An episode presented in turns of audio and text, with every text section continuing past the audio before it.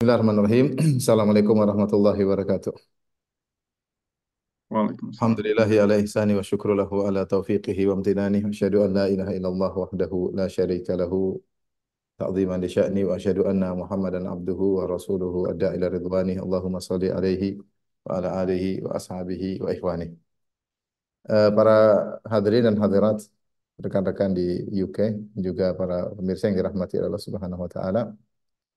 Uh, pada kesempatan kali ini kita akan bahas satu topik yang penting untuk kita semua karena kita adalah manusia yang diciptakan dengan adanya syahwat yang imannya naik dan turun. Kita bukan seperti malaikat yang kata Allah Subhanahu wa taala la ya'sunallaha ma amarahum wa yaf'aluna ma yu'marun. Mereka tidak pernah membangkang perintah Allah dan mereka selalu menjalankan apa yang Allah perintahkan. Allah juga mengatakan yusabbihuna al-laila wan nahara la yafturun para malaikat mereka bertasbih beribadah kepada Allah siang dan malam. La yafturun. Mereka tidak pernah futur. Mereka tidak pernah futur. Itu para malaikat. Adapun kita manusia ya uh, potensi futur sangat sangat besar. Apalagi hati kita berbolak-balik ya. Sampai ada yang mengatakan bahwasanya sumiyal qalbu qalban litaqallubihi. Bahwasanya hati atau jantung ini kolbu ini dinamakan kolbu karena dia ya takallab ya takallab artinya dia uh, berubah-ubah. Ya. Dan dikatakan dawamul hal minal muhal. Bahwasanya uh, kondisi yang konstan, tidak pernah berubah statis dari atas keimanan terus, ini adalah perkara yang mustahil. perkara yang mustahil. Oleh karenanya, uh, potensi kita untuk terkena futur telah ditunjukkan dalam banyak hadis ya. Di antaranya seperti Rasulullah SAW bersabda, istaqimu walan tuhsu. Istiqamalah kalian kalian tidak bakalan mampu. Kalian tidak bakalan tidak bakalan mampu. Ya. Artinya tidak mungkin kita istiqomah terus sebagaimana berkata Ibnu Battal dia berkata ailan tutiqul amala bikulli ma lillahi alaikum. Kalian tidak akan mampu melakukan seluruh amalan yang diwajibkan Allah atas kalian. Kalian tidak bakalan mampu menunjukkan ada amal-amal yang Allah wajibkan ternyata kita tidak bisa lakukan. Potensi kita untuk tidak istiqomah itu ada. Demikian juga dijelaskan oleh uh, Ibn Rajab, istaqimu wa lan tuhsu. Istiqomah kalian tidak bakalan mampu, yakni lan taqdiru ala istiqamati kulliha. Kalian tidak bakalan mampu untuk istiqomah secara keseluruhan.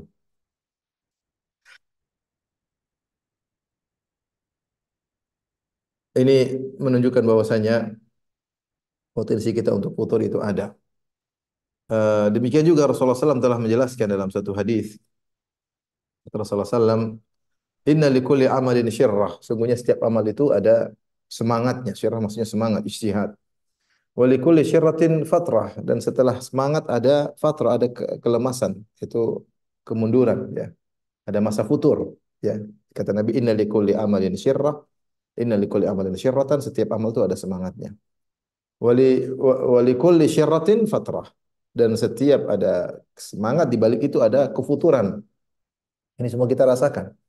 Faman kanat fatratuhu ila sunnati faqad aflah. Siapa yang ketika dia futur lagi malas dia menuju kepada sunnahku, yaitu dia tidak bisa semangat tinggi tapi dia berusaha sadidu wa qaribu. Itu menepati atau mendekati. Maka dia telah beruntung, aflah. Faman kanat fatratuhu ila ghairi dzalik adapun ketika dia futur-futurnya kepada selain sunnah Nabi sallallahu alaihi wasallam halak maka dia telah binasa. maka dia telah binasa. Dari sini kita tahu bahwasanya futur adalah potensi yang menimpa bisa menimpa siapa saja. Baik antum para pemirsa maupun saya sang pembicara. Ya, kita semua merasakan hal ini.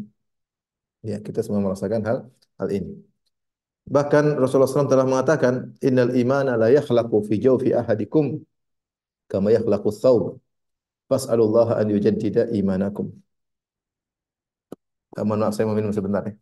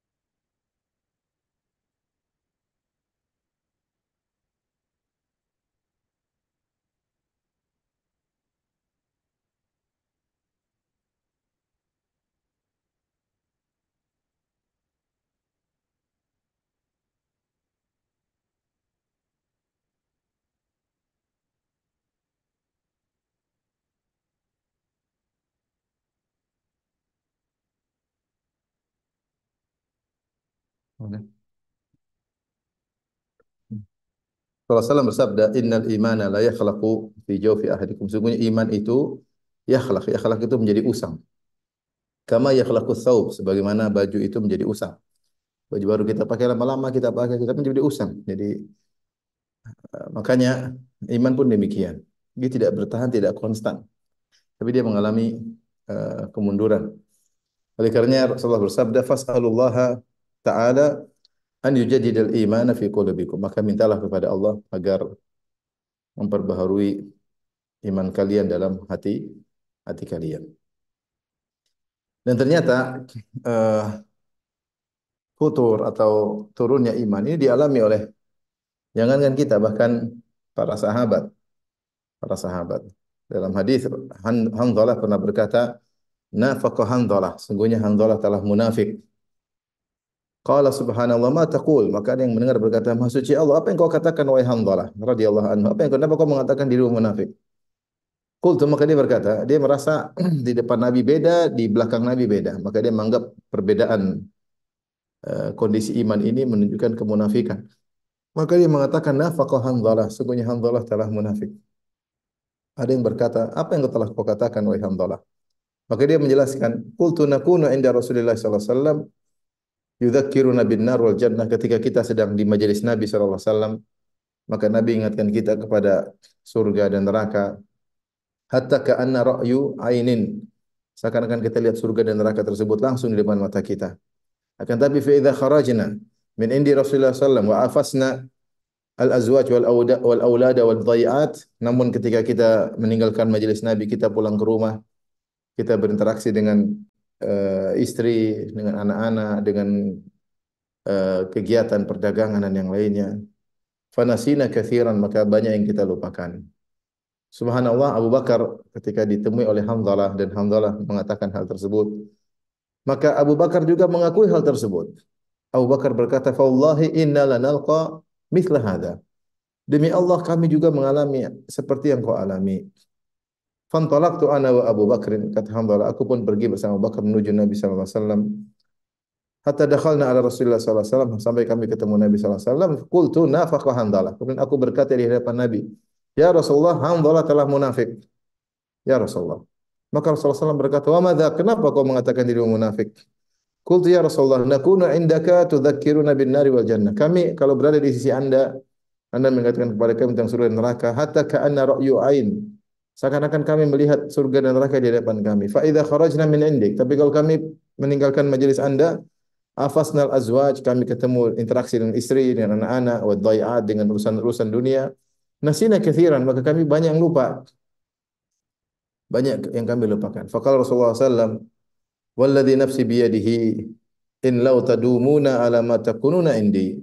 Demi zat yang jiwaku berada di Seandainya kalian berada terus seperti kondisi kalian di sisiku, fi dzikir dan kalian beringat Allah, ingat surga dan neraka, la safahatumul malaikatu ala furushikum wa fi turuqikum. Tentu malaikat akan datang dan berjabat tangan dengan kalian di di jalan-jalan dan di tempat tidur kalian.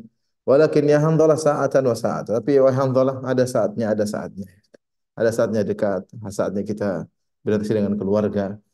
Uh, karena Rasulullah menjelaskan bahwasanya Syariat tidak tidak menyuruh kita untuk terus menerus di masjid tidak, tapi memang ada waktunya. Ada waktunya kita interaksi dengan anak-anak, interaksi dengan keluarga, waktunya kita kerja dan ketika kita berinteraksi dengan dunia maka uh, kemungkinan iman turun itu ada ya. ya. Tetapi memang harus kita lakukan demikian.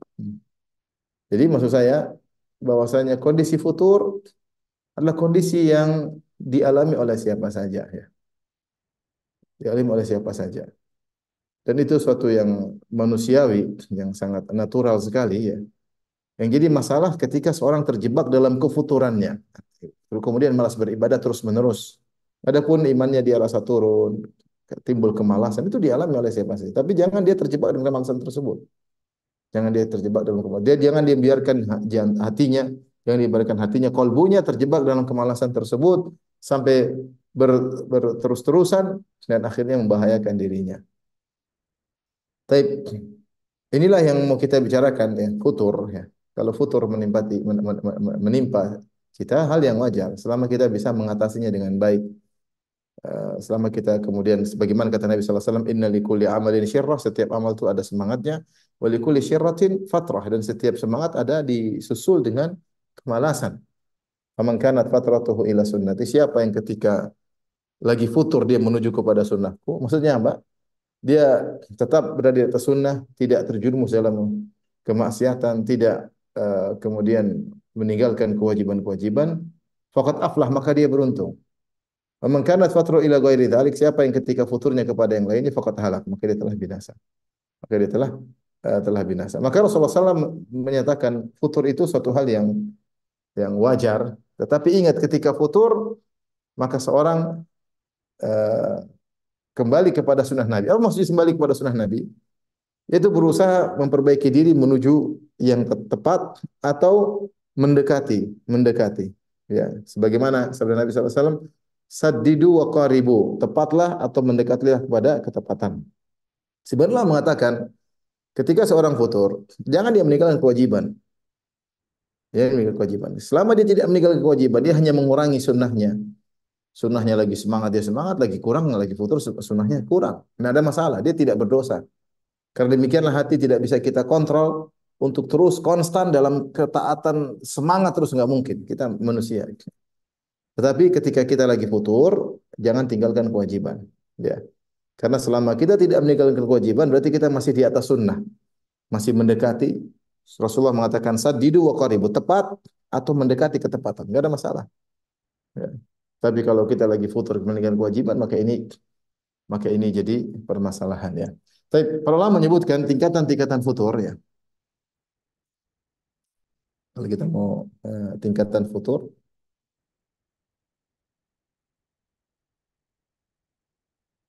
Tiga tingkatan futur. Eh, yang pertama adalah malas ya. Malas atau kurang semangat menjalankan sunnah. Menjalankan ketaatan tetapi tetapi tetapi wajib tidak ditinggalkan. Wajib-wajib tidak ditinggalkan. Kemudian sunnah pun sunnah berusaha dijalankan dijalankan namun berkurang. Namun berkurang. Maka ini ini masih oke okay, ya. Kondisi seperti ini berkurang, maka ini masih masih di atas sunnah. Ya. Ini masih masih di atas sunnah. Nah, ini tidak masalah ya. Tentu dengan dia mungkin kurang sedikit amal solehnya, sunnah-sunnahnya, tapi kewajiban tetap dia jalankan.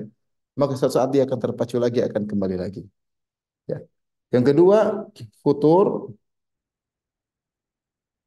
Namun meninggalkan kewajiban. Meninggalkan kewajiban. Tentu ini sudah di luar sunnah. Ya, ini di luar sunnah. Ya.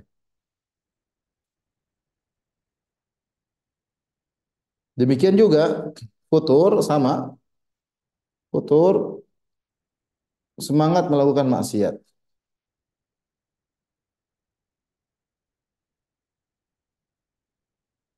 Ya, ini juga sama ya. Selain apa namanya di plus kalau kita tambah lagi sudah meninggal kewajiban dia semangat melakukan kemaksiatan. Yang lebih parah lagi futur dan benci benci dengan ketaatan. Nah, ini lebih parah lagi. Artinya hati ini kalau dibiarin terus, lama-lama dia benci dengan ketaatan, ini sudah parah. Ini berbahaya, ini bisa terjerumus dalam uh, apa namanya nyerempet-nyerempet kepada kekufuran. Maka seorang berusaha tetap pada poin yang pertama ketika dalam kondisi futur. Dia wajar dia kurang semangat maka uh, maka apa namanya dia uh, kurangi sunnah-sunnahnya tapi kewajiban tidak dia tinggalkan. Kapan dia tinggalkan kewajiban segera beristighfar kepada Allah Subhanahu wa taala untuk kembali bisa melakukan kewajiban. Karena kita pun uh, tidak selamat, tidak maksum, kita pasti terjerumus dalam kemaksiatan. Tapi ketika terjerumus maksiat segera kita kembali kepada Allah. Adapun sunnah-sunnah kita kurang tidak seperti biasa tidak jadi masalah. Ada saatnya kita kembali lagi, ada saatnya kita malas. Karena memang tidak mungkin seorang amal terus semangat terus di puncak terus enggak. Kata Nabi yang mengatakan tadi, inna likulli amalin syirrah, setiap amal ada semangatnya, wa walikulli syirratin fatrah dan setiap semangat disusuli dengan fatrah dengan kemalasan. Baik.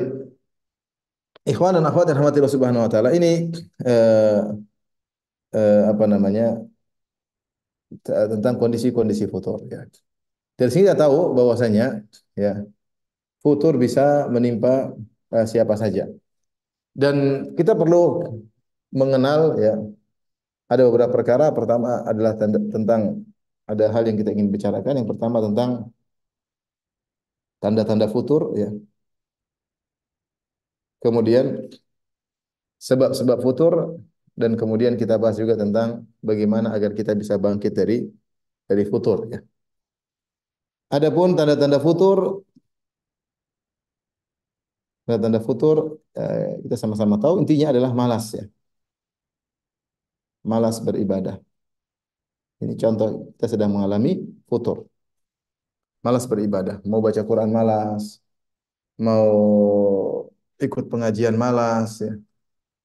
Mau sholat malam malas, uh, mau ke masjid malas ya mau sholat sunnah malas, ini semua adalah tanda kita sedang ditimpa dengan futur. Tiba dengan futur. Kemudian di antara tanda-tanda futur juga misalnya kok ada keinginan, semangat bermaksiat. Semangat maksiat. Ingat kita lagi futur ini. Kok ingin nonton film misalnya? Ingin nonton film nonton Korea lah ya. Pingin kok pingin ya? Pingin. Kok ingin dengar berita-berita gibah? Ini ada masalah nih dengan hati kita ya. Kok ingin ya? Ingin ya, ingin ingin ingin ingin nonton film, ingin inilah lihat yang tidak-tidak, ingin dengar berita-berita gibah, maksiat, apa? kangen ya. dengar musik-musik, Nah ini mulai ini, nah ini kita sedang futur nih. Kita sadar bahwasanya kita sedang futur. Seharusnya kalau iman kita bagus tidak demikian, karena Allah mengatakan eh, wa karra uh, apa apa namanya karra ilaikumul furq wa furq uh, wa karra ilaikumul kufra wal isyan.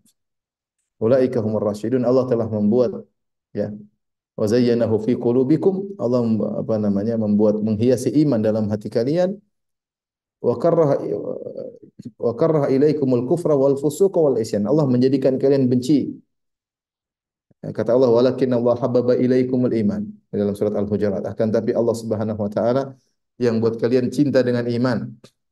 Kemudian wa zayyanahu fi qulubikum dan Allah menghiasi iman dalam kalbu kalian. Kemudian kata Allah wa karraha ilaikumul kufra wal fusuqa wal isyan. Dan Allah menjadikan kalian benci dengan kekufuran dan kefasikan dan kemaksiatan. Ulaika humur rasyidun, mereka adalah orang-orang yang mendapat petunjuk. Uh,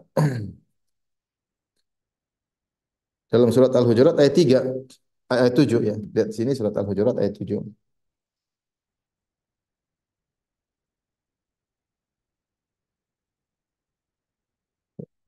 Kalau kita dapat dari kita, Allah mengatakan orang yang beriman itu karroha ilaikumul kufra wal fusuqa wal isyan. Membuat dia benci dengan kekufuran, lihat kekufuran dia enggak suka. Lihat kefasikan dia benci dan benci dengan kemaksiatan. Ketika ternyata dia mulai kangen, ingin lagi nonton film, ingin dengar-dengar musik, ingin nostalgia dengan kemaksiatan, ingin lihat berita-berita cewek dulunya, pacar lamanya, ini dia sedang futur, ya sedang futur. Dia sedang futur. Lagi asik sendirian kemudian bers berselancar dalam dunia maya, kemudian hal yang yang dilarang yang seandainya orang lihat tentu dia malu. Dia sedang futur berarti. Dia sedang sedang futur. Nah, ini uh, menunjukkan bahwasanya dia sedang terjangkiti penyakit futur. Ter tergantung tingkatannya, parah atau tidak. Ya, parah atau tidak. yang ketiga, misalnya tanda-tanda futur, ya. dijangkiti penyakit taswif. Ini atas taswif. Nunda-nunda ya, nanti. Nunda-nunda. Ya nanti nanti nanti nanti nanti nanti taswif ini salah satu jundun min iblis sebagian perkataan para salaf taswif adalah salah satu dari tentara iblis ya. Buat orang menunda-nunda amal soleh sampai akhirnya menunda amal soleh akhirnya terjebak dalam kemaksiatan. Dalam kema kemaksiatan. Kalau dia sudah selalu nanti aja, nanti aja, nanti aja berarti dia sedang futur. Kalau dia tidak futur harusnya dia tidak tunda-tunda amal soleh. Harusnya dia semangat. Harus dia harusnya dia dia semangat. Ini secara sederhana kalau kita mengalami ini semua berarti kita sedang futur. Ya, jangan merasa kita lagi tinggi iman, kita sedang futur. Ibadah kok malas, kok semangat bermaksiat. Ya. Kemudian yang ketipnya kita suih bahwa bahwasanya kita sedang uh, sedang uh, sedang futur. Baik, berikutnya apa sebab futur? Ya, kita tahu sebab ini agar kita bisa memperbaiki diri. Ya, terakhir kita akan bahas tentang uh, solusi atau ilaj ya agar kita bisa uh, terhindar dari futur ya. Sebabnya banyak karena mengetahui sebab kita bisa preventif ya. Jadi kalau kalau orang orang bilang bagaimana cara menghindari futur, kenalilah sebab-sebabnya. Karena kalau engkau mengenal sebab-sebab futur, kau akan melakukan preventif tindakan preventif sehingga kau tidak terjerumus ya. Dan kalau kau sudah terjerumus dalam sebab-sebab tersebut, kau tinggalkan agar kau selamat dari futur. Jadi sebenarnya mengenali sebab-sebab futur adalah salah satu obat agar bisa uh, terhindar atau bangkit dari futur ya. Uh, Utsman bin Affan punya perkataan yang indah. Oleh Utsman radhiyallahu anhu, "Lau tahurat qulubukum ma syabi'tum min kalami rabbikum. Kata Utsman bin Affan, jika jika hati kalian bersih, jika kolbu kalian bersih,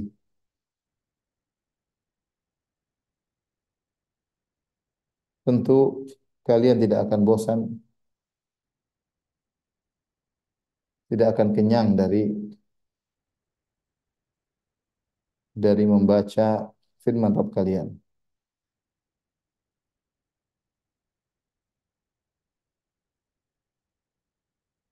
Ini contoh barometer kita sedang terkena futur. Jadi ada masalah pada hati hati kita, pada hati kita, pada hati kita. Uh, kalau hati kita bersih, tentu kita semangat baca Quran. Kita paling letih karena memang badan capek. Adapun baca Quran bosan ya. Coba coba kita bayangkan ketika kita baca berita dunia. Ya, kita baca berita bola misalnya, kita baca berita politik, kita nggak bosan satu jam, dua jam. Karena kita interest dalam hal tersebut. Ya, karena memang hati kita condong kepada perkara tersebut. Kalau kita baca Quran ke setengah jam, seperempat jam sudah nggak kuat, malas, sudah jemu, bukan sudah bosan. Ada masalah berarti hati kita. Ada masalah. Ini standar yang disampaikan oleh Utsman bin Affan. Sederhana, lau tahurat qulubukum itu min kalami rabbikum. Kalau kalbu kalian yang bersih, kalian tidak akan pernah bosan dari membaca firman Allah Subhanahu wa taala.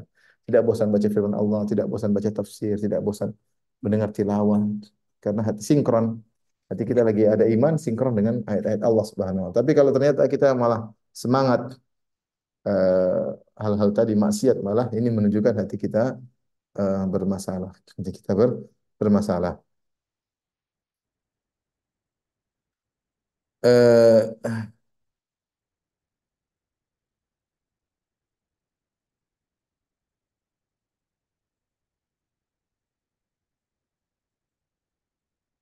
Adapun sebab futur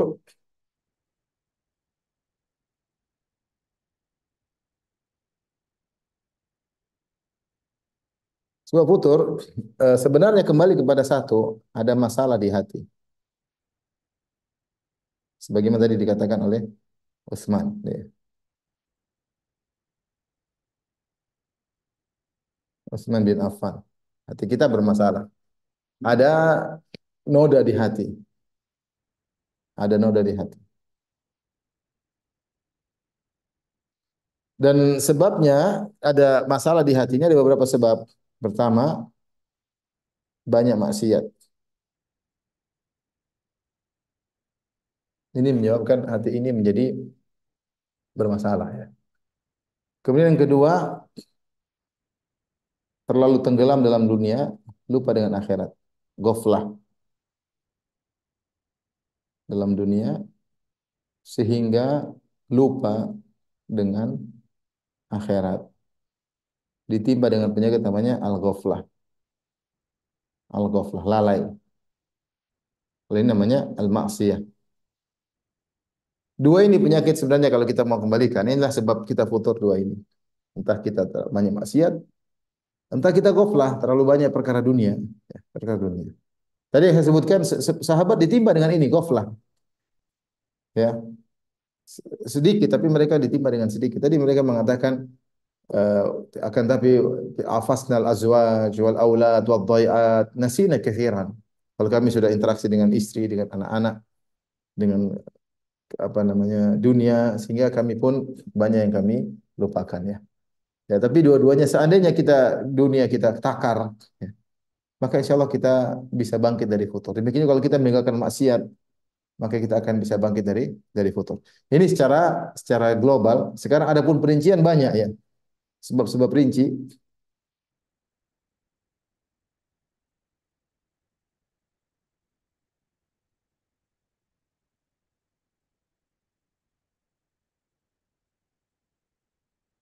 Misalnya eh, misalnya ternyata kita tidak ikhlas dalam beramal. Ini ini jadi masalah. Karena ketidakikhlasan ya. Ketika kita tidak ikhlas, maka iman kita tidak bertambah ya. Ketika beramal soleh karena niat kita bermasalah. Niat kita bermasalah. Sehingga kita tidak dijaga oleh Allah ketika dihadapkan dengan maksiat. Lihatlah Nabi Yusuf alaihissalam, kenapa Allah selamatkan dari godaan yang hebat? Ketika warawadatu allati huwa fi baitiha an nafsihi wa ghallaqatil abwab wa qalat hayta la qala ma'adallah innahu rabbi ahsana mathwaya innahu la yuflihu dhalimun ya. ya. Ketika dirayu oleh wanita Zulaikha yang sangat cantik, kemudian pintu semua ditutup, rayuan yang luar biasa. Kata Allah, Kadzalika linasrifa anhu su'a wal fahsya innahu min ibadinal mukhlasin. Dalam sebagian qiraah innahu min ibadinal mukhlasin. Demikianlah kami ingin selamatkan Yusuf alaihissalam dari perbuatan keji dan perbuatan zina ya.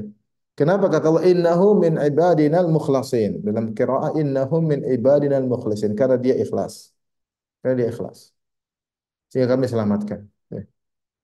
Iblis Iblis laknatullah alaih ketika berjanji untuk menjerat semua manusia, dia mengatakan illa ibadaka minhumul mukhlasin, kecuali hamba-hambamu yang ikhlas, yang selamat dari godaanku.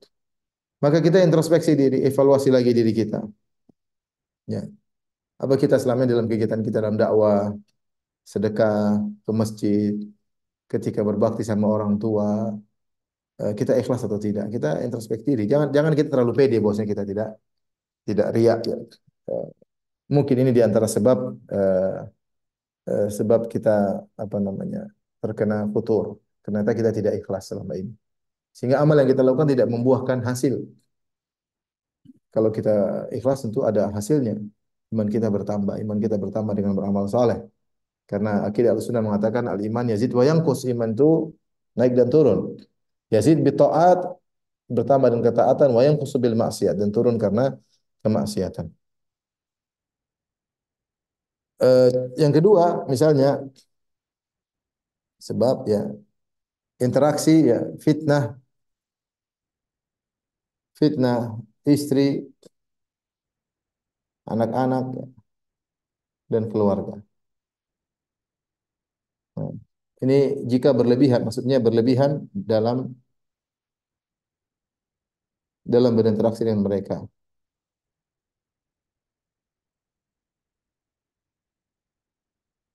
Kata Allah Subhanahu wa taala, "Inna min aulad, inna min azwajikum wa auladikum aduwwan lakum fahdharuhum."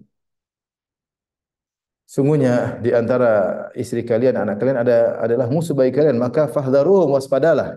Ya. Uh, artinya apa? Para menjelaskan sebagian istri, sebagian anak-anak membuat suami atau membuat seorang akhirnya terjebak dalam kemaksiatan atau terjebak dalam perkara yang mubahat yang berlebih-lebihan.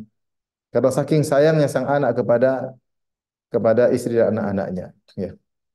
Makanya dalam hadis kata Rasulullah al waladu uh, majbanatun Wa mabkhalatun, anak-anak itu membuat seorang menjadi takut untuk berjihad dan menjadi pelit karena mikirin anak-anak ya, sehingga dia terjebak dalam kepelitan dan terjebak dalam sifat pengecut ya. Hati-hati kita sayang sama anak istri, tapi kita harus mengontrol diri kita. Kita mengontrol mereka, jangan mereka mengontrol kita. Kita laki-laki harus punya uh, qawamah. Ar-rijalu qawwamuna 'ala nisa. Lelaki yang mengatur para wanita. Dan sampai akhirnya seorang lelaki terfitnah oleh anak dan istrinya ya sehingga dia ngikutin saking cintanya kepada mereka akhirnya dia pun uh, terjebak dalam hal yang tidak di tidak di tidak terpuji sehingga akhirnya terjebak dalam futur ya. Di antara juga ya, berlebihan atau al-ghulu ekstrim dalam ibadah. Dalam ibadah. Biasanya kalau terlalu ekstrim berlebihan, dia akhirnya futur ya. Kata Nabi SAW, inna, inna hadad dina yusrun walan yushadad dina illa ghalabah. Atau kama kala Nabi SAW. Sungguhnya agama ini mudah. Walan yushadad dina illa ghalabah. Jangan tidak tidaklah seorang terlalu kencing dalam beragama kecuali dia kalah nanti terdominasi. Dia terdominasi. Kita dapat sebagian terlalu kencing-kencing akhirnya jatuh. Jatuh parah. Kenapa dia tidak tidak bertahap dalam menjalankan agama. Kenceng langsung tiba-tiba kenceng. Tidak mengontrol dirinya. Kenceng tanpa ilmu masalahnya. Kenceng tanpa ilmu. Karena namanya ilmu tidak mungkin langsung sekaligus. Sebagai perkataan Az-Zuhri, man rama al-ilma jumlatan dhahaba anu jumlah. Siapa yang ingin dapat ilmu sekaligus seluruhnya maka akan hilang seluruh darinya.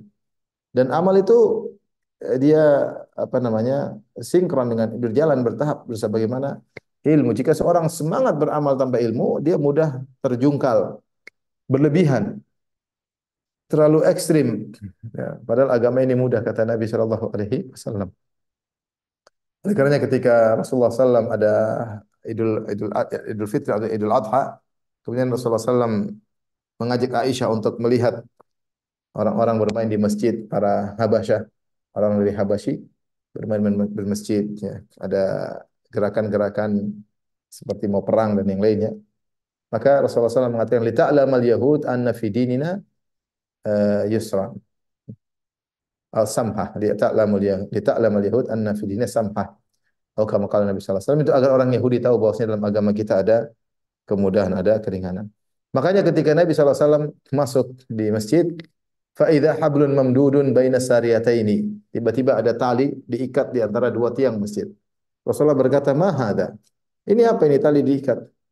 Maka Rasulullah mengatakan, dikatakan kepada Nabi, eh, "Hablun li Zainab. Idza fatarat ta'allaqat bihi." Zainab kalau salat, kemudian dia kalau lagi malas, dia pegang tali tersebut supaya terus beribadah.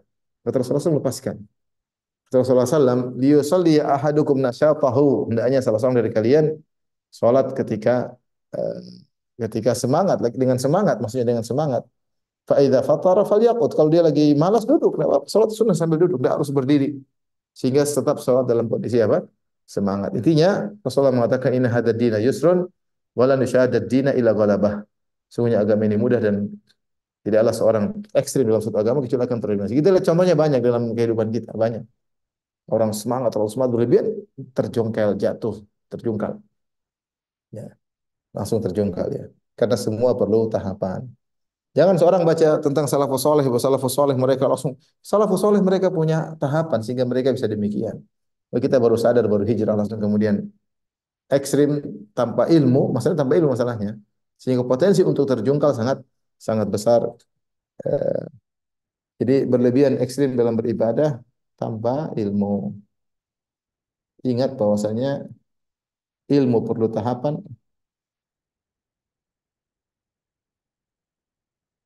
Ibadah juga perlu tahapan.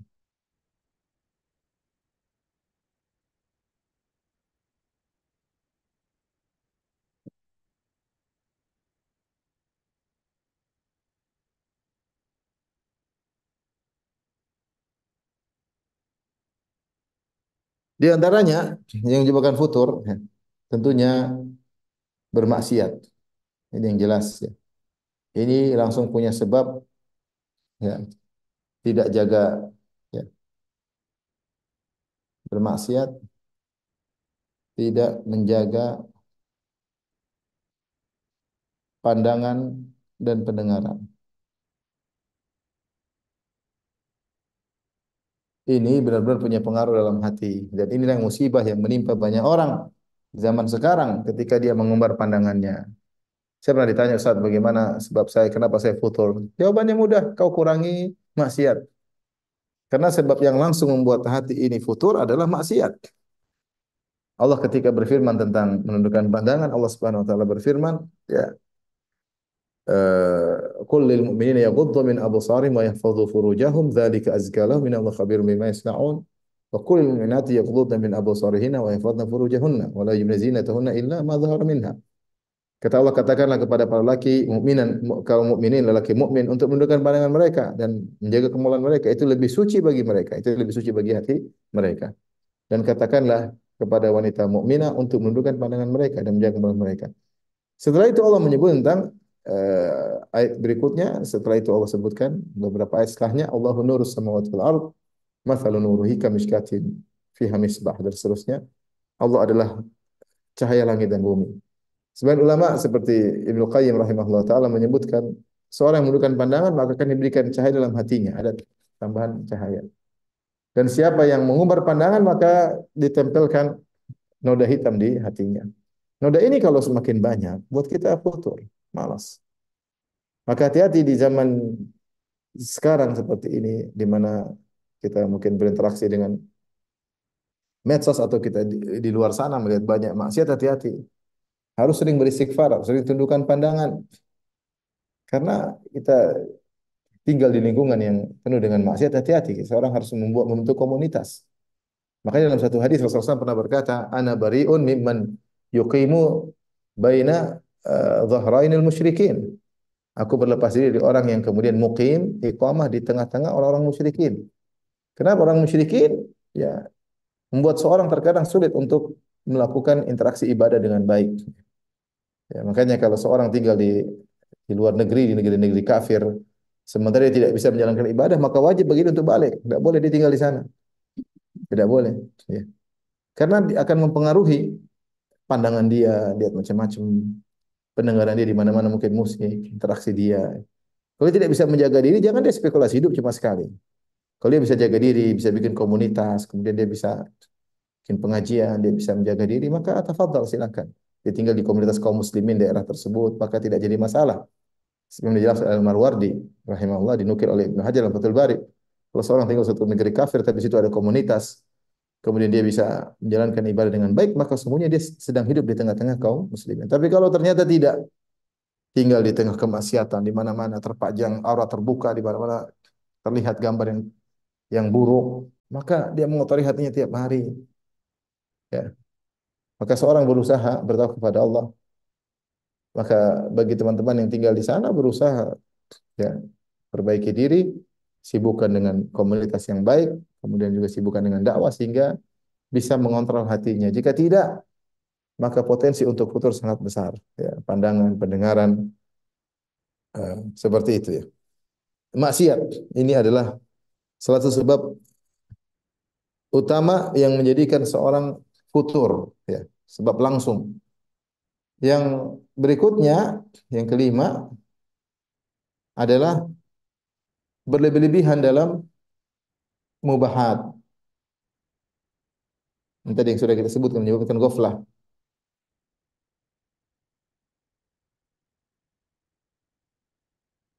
dalam perkara-perkara mubah. Perkara mubah boleh, namanya mubah juga boleh, tapi kalau berlebihan tidak baik. Berlebih-lebihan. Kenapa kalau orang berlebihan dalam, dalam akhirnya nanti lupa dengan akhirat.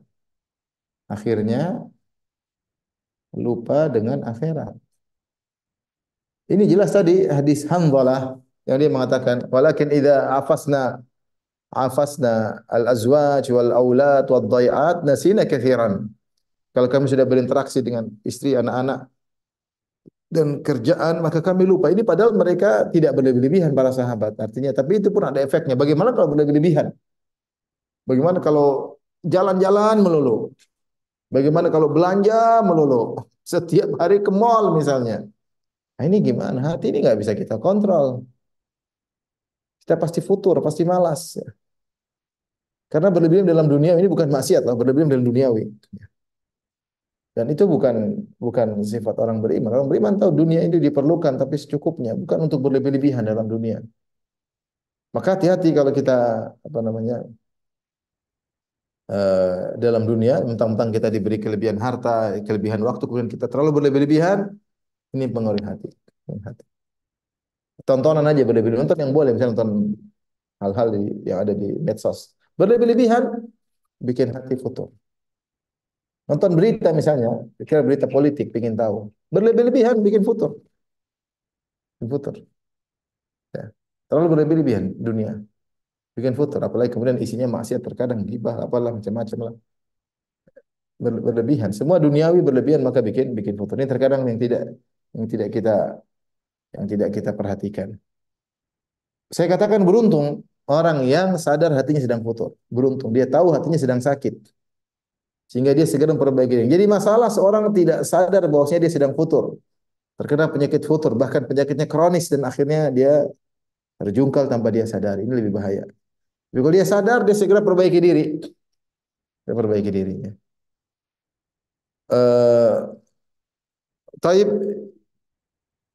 ini tentunya uh, sebab-sebab rinci masih ada di bawah ini perincian yang banyak tapi saya sebutkan uh, ru'usul aklam itu yang penting-penting.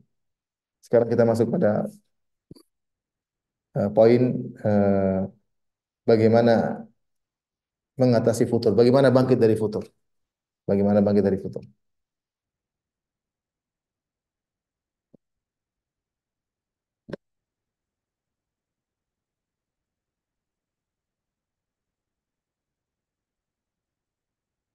Tips bangkit dari futur.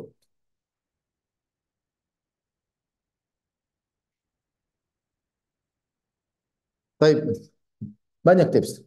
Di antaranya baca Al-Qur'an.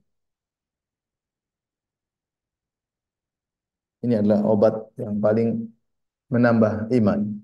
Wa idza tuliyat alaihim ayatuhu zadatuhum imana. Kata Allah dalam surat Al-Anfal, wa idza tuliyat ayatuhu zadat. Idza tuliyat alaihim ayatuhu zadatuhum imana.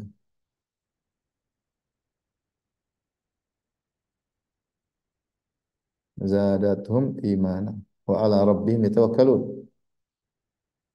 Jika dibaca Al-Qur'an bertambah iman mereka. Namun saya mohon baca bukan sekedar baca. Baca dengan tadabbur. Kalau kita sekedar baca baca baca baca saja, maka ini kurang pengaruh ya. Orang-orang Khawarij mereka baca Al-Quran tapi la yujawizu taraqiyahum. Yaqra'una Al-Quran la yujawizu taraqiyahum. Kata Nabi mereka baca Al-Quran namun tidak melewati selangkangan mereka. Jadi tidak masuk ke hati. Maka perlu kita merubah cara kita baca Quran. Baca dengan tadabbur, baca ayat, kita pahami. Kalau antum bisa bahasa Arab, alhamdulillah. Baca dengan pelan aja sudah tadabbur. Tapi kalau nggak bisa bahasa Arab, coba baca terjemahannya. Baca. Banyak aplikasi alhamdulillah baca Quran, terjemahnya, baca Quran, terjemahnya, baca Quran. Jadi kalau lagi kepingin hati menggelitik ingin tahu tafsirnya pencet, tekan. Ingin tahu tafsirnya apa? Tekan, tekan tombolnya.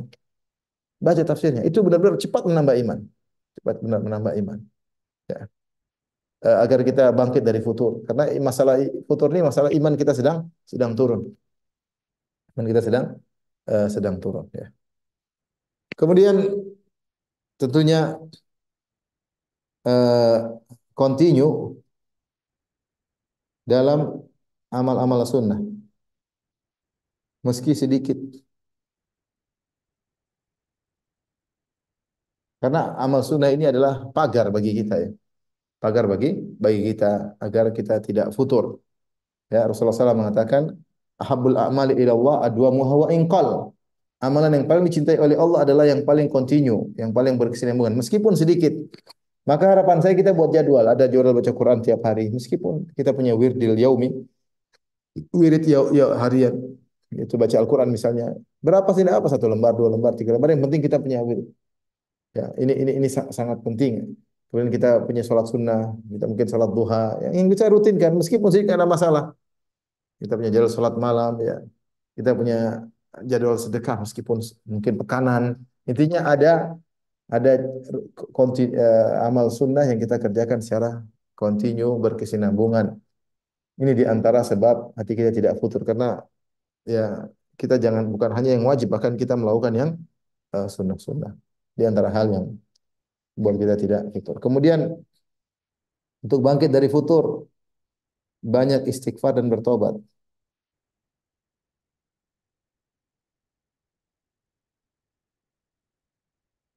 Kalau kita, tapi ingat ya, maksud saya ini istighfar yang berkualitas, yang berkualitas. Bukan sekedar astagfirullah, astagfirullah, tapi kita benar yakini kita ini banyak kesalahan. Ketika kita mengucap astagfirullah, astagfirullah, astagfirullah, benar kita meyakini dalam kondisi kita uh, apa namanya? Benar-benar bahwasanya kita ini banyak dosa, dosa pandangan, dosa pendengaran, banyak hak-hak yang belum kita tunaikan, hak keluarga, hak orang tua, hak kakak adik, banyak hak kita masih kurang silaturahmi, kurang bertetangga dengan baik, hubungan kita dengan Allah kurang baik, banyak hal. Jadi benar-benar kita astagfirullah, astagfirullah.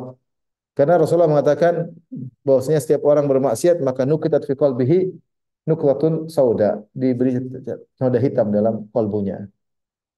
Fa idza taba jika dia istighfar kalau dia taubat dan istighfar maka dihapuskan. Kalau kita istighfar itu noda-noda hitam dihapuskan sedikit demi sedikit. Ini noda hitam ini yang buat kita futur. Maka jangan lupa dikit lagi perjalanan, astagfirullah, astagfirullah, astagfirullah. Kemudian antaranya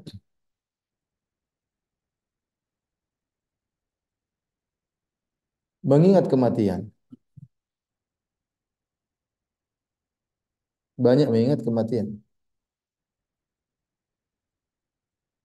Ini bisa kita lakukan misalnya ketika kita sholat malam, ya.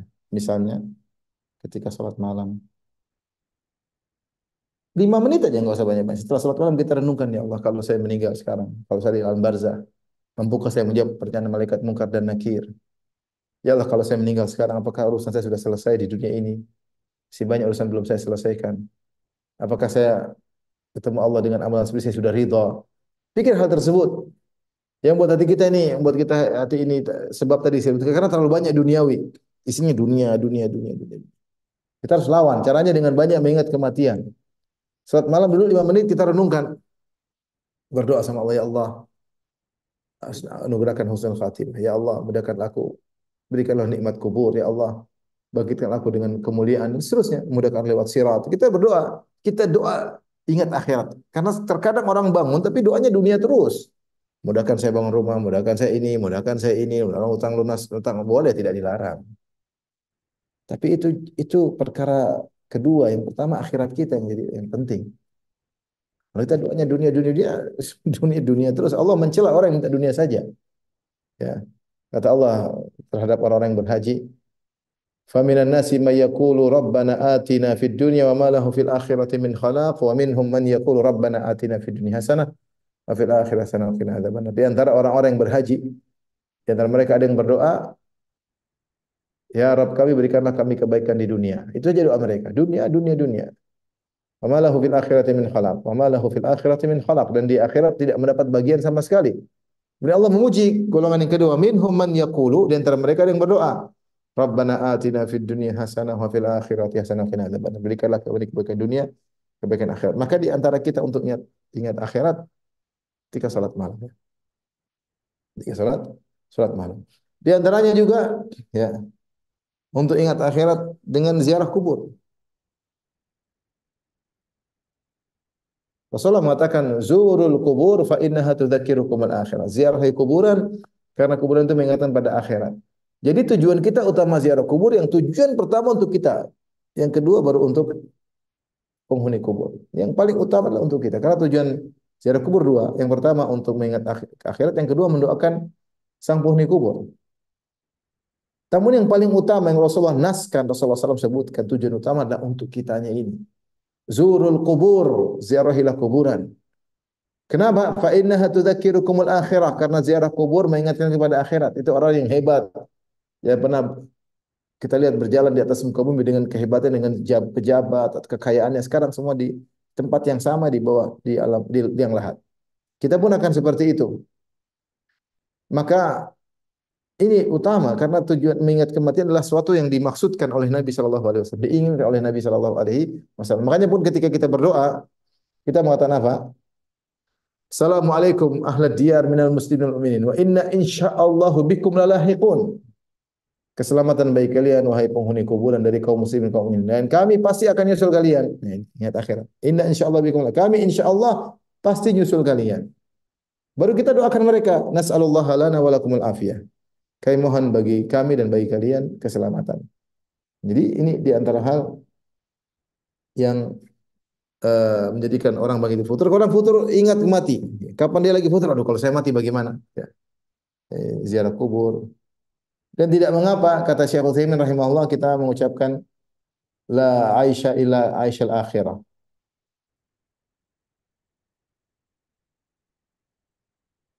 Ini diucapkan oleh Nabi, tidak ada kehidupan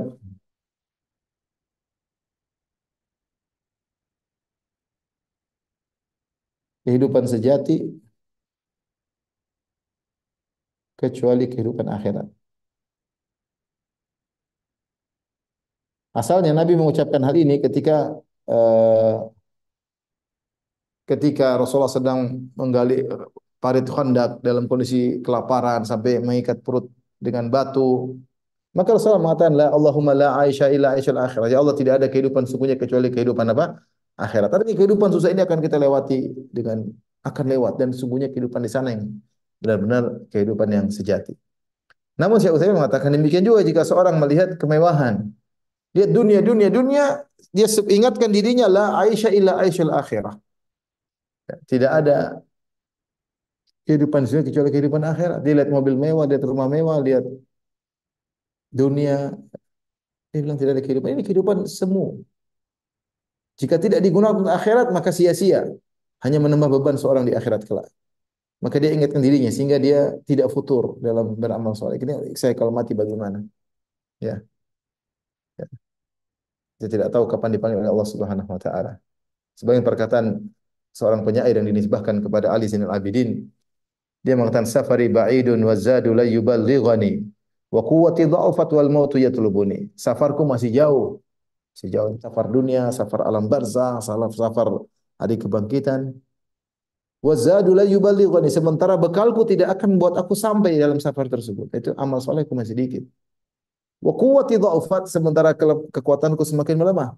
Wal mautu yatlubuni sementara kematian segera mengejarku. Wali baqaya dhunubin lastu a'lamuha. Allahu ya'lamuha fi sirri wal dan saya masih punya dosa-dosa yang mungkin aku sudah aku lupakan. Tapi Allah tahu dosa-dosa tersebut yang aku lakukan baik dalam kesendirian maupun di, di depan banyak orang. Intinya ketika dia ingat hari akhirat dia akan semangat. Ya. Makanya siapa yang sering ingat akhirat diberi anugerah dengan tiga hal yang pertama dia cepat bertobat yang kedua semangat beramal soleh dan yang ketiga adalah dia kona'ah siapa yang selalu ingat akhirat Ingat mati, dia akan diberi anugerah tiga hal. Ya. Semangat beribadah, suka bertobat, dan kona'ah dengan apa yang Allah berikan kepadanya. Tapi siapa yang lupa dengan akhirat, lupa dengan kematian, terkena tiga musibah. Tidak pernah kona'ah, selalu ingin mencari tambahan, tambahan, tambahan. Yang kedua, tidak segera bertobat dan malas beramal soleh. Karenanya, dengan banyak mengingat kematian, kita bisa bangkit dari futur. Ustaz gimana saya masih ingat kok ingat mati kalau mati besok bagaimana? Selesai. Mati itu apa? Selesai game over. Apa yang kita sudah lakukan sudah selesai. Amal soleh nggak bisa tambah lagi. Salat kita berhenti, puasa kita berhenti, sedekah kita berhenti, nulis buku berhenti, ceramah kita berhenti, semua berhenti selesai. Selesai. Eh, ingat mati jangan jangan terus kita nggak tahu kapan kita dipanggil oleh Allah Subhanahu wa taala. Maka maka semangat mengingat kematian ya. Semakin sering banyak ingat kematian, kita akan mudah bangkit dari dari futur. Uh, kemudian yang berikutnya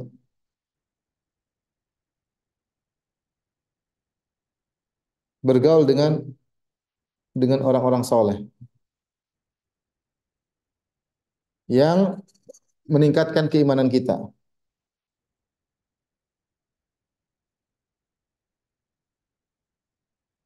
Orang soleh yang kalau kita lihat kita ingat akhirat. Nah kita ini banyak teman, hati-hati bergaul. Kalau kita punya teman kita bergaul dengan mereka, kita evaluasi ternyata dengan bergaul kepada dengannya kita tambah iman, tambah semangat, semangat dakwah, berkecimpung dengan dakwah, ngurus jadi DKI masjid, kemudian urusan urusan akhirat, maka teman yang benar. Peganglah teman tersebut erat-erat. Jangan salah bergaul. Sebaliknya kalau kita salah bergaul, komunitasnya salah, maka dunia selalu dalam pikiran kita. Tidaklah kita ketemu kecuali bicara dunia, dunia, dunia, dunia, dunia, dunia dengan berbagai macam cabang-cabang dunianya. Ya, entah bicara tentang hiburan, entah bicara tentang dunia terus. Kita cek iman kita semakin menurun. Semakin menurun. Setelah bergaul dengan dia, maka tinggalkan orang tersebut. Karena teman itu punya efek yang sangat sangat luar biasa. Makanya di antara penyesalan yang disampaikan oleh penghuni neraka, dia berkata, "Ya wailata laitani lam attakhidh fulanan khalila." Celakalah aku ya. Seandainya aku ya tidak menjadikan si fulan sebagai kawanku. Laqad adallani ani dzikri. Dia telah menyesatkan aku dari mengingat Allah Subhanahu wa taala. Buat aku lalai ya. Buat aku lalai. Kata Allah, "Wasbir nafsaka ma'al ladzina yad'una rabbahum bil ghadati wal wal ashi yurin wajha. Wa la ta'du aynaka anhum turid zinatal hayatid dunya. Wa la tuti' man aghfalna qalbahu an dzikrina wattaba hawahu wa kana amruhu furata." Allah nasihati Nabi, kata Allah, sabarkanlah dirimu. Bersama siapa? Sabarkan diri bersama orang-orang yang berdoa kepada Allah pagi dan petang. Yuriduna wajah yang mereka ikhlas kepada Allah. Nabi suruh bersabar dengan Bilal, dengan orang-orang yang lemah. Wala ta'adu ainaka anhum turizinatul Jangan kau tinggalkan mereka kau hanya mencari kehidupan dunia. Wala tuti' man aghfalna qalbahu dzikr. Jangan kau ikuti orang yang kami buat lalai hatinya. Jadi mengingat kami. Wattaba hawa mengikut hawa nafsu. Kita cari teman yang benar yang buat kita ingat Allah. Jangan kita ikuti orang yang buat kita lupa kepada Allah. Yang dia hatinya ya ghafil, lalai. Kemudian kita ikuti dia. Kita akan terbawa Komunitas itu punya pengaruh luar biasa. Salah bergaul kita pikirannya omongannya dunia, dunia, dunia, dunia terus lupa untuk ingat Allah Subhanahu wa taala. Waktu kita habis ya. Sehingga sibuk berbicara tentang dunia tanpa ada tujuan akhirat ya.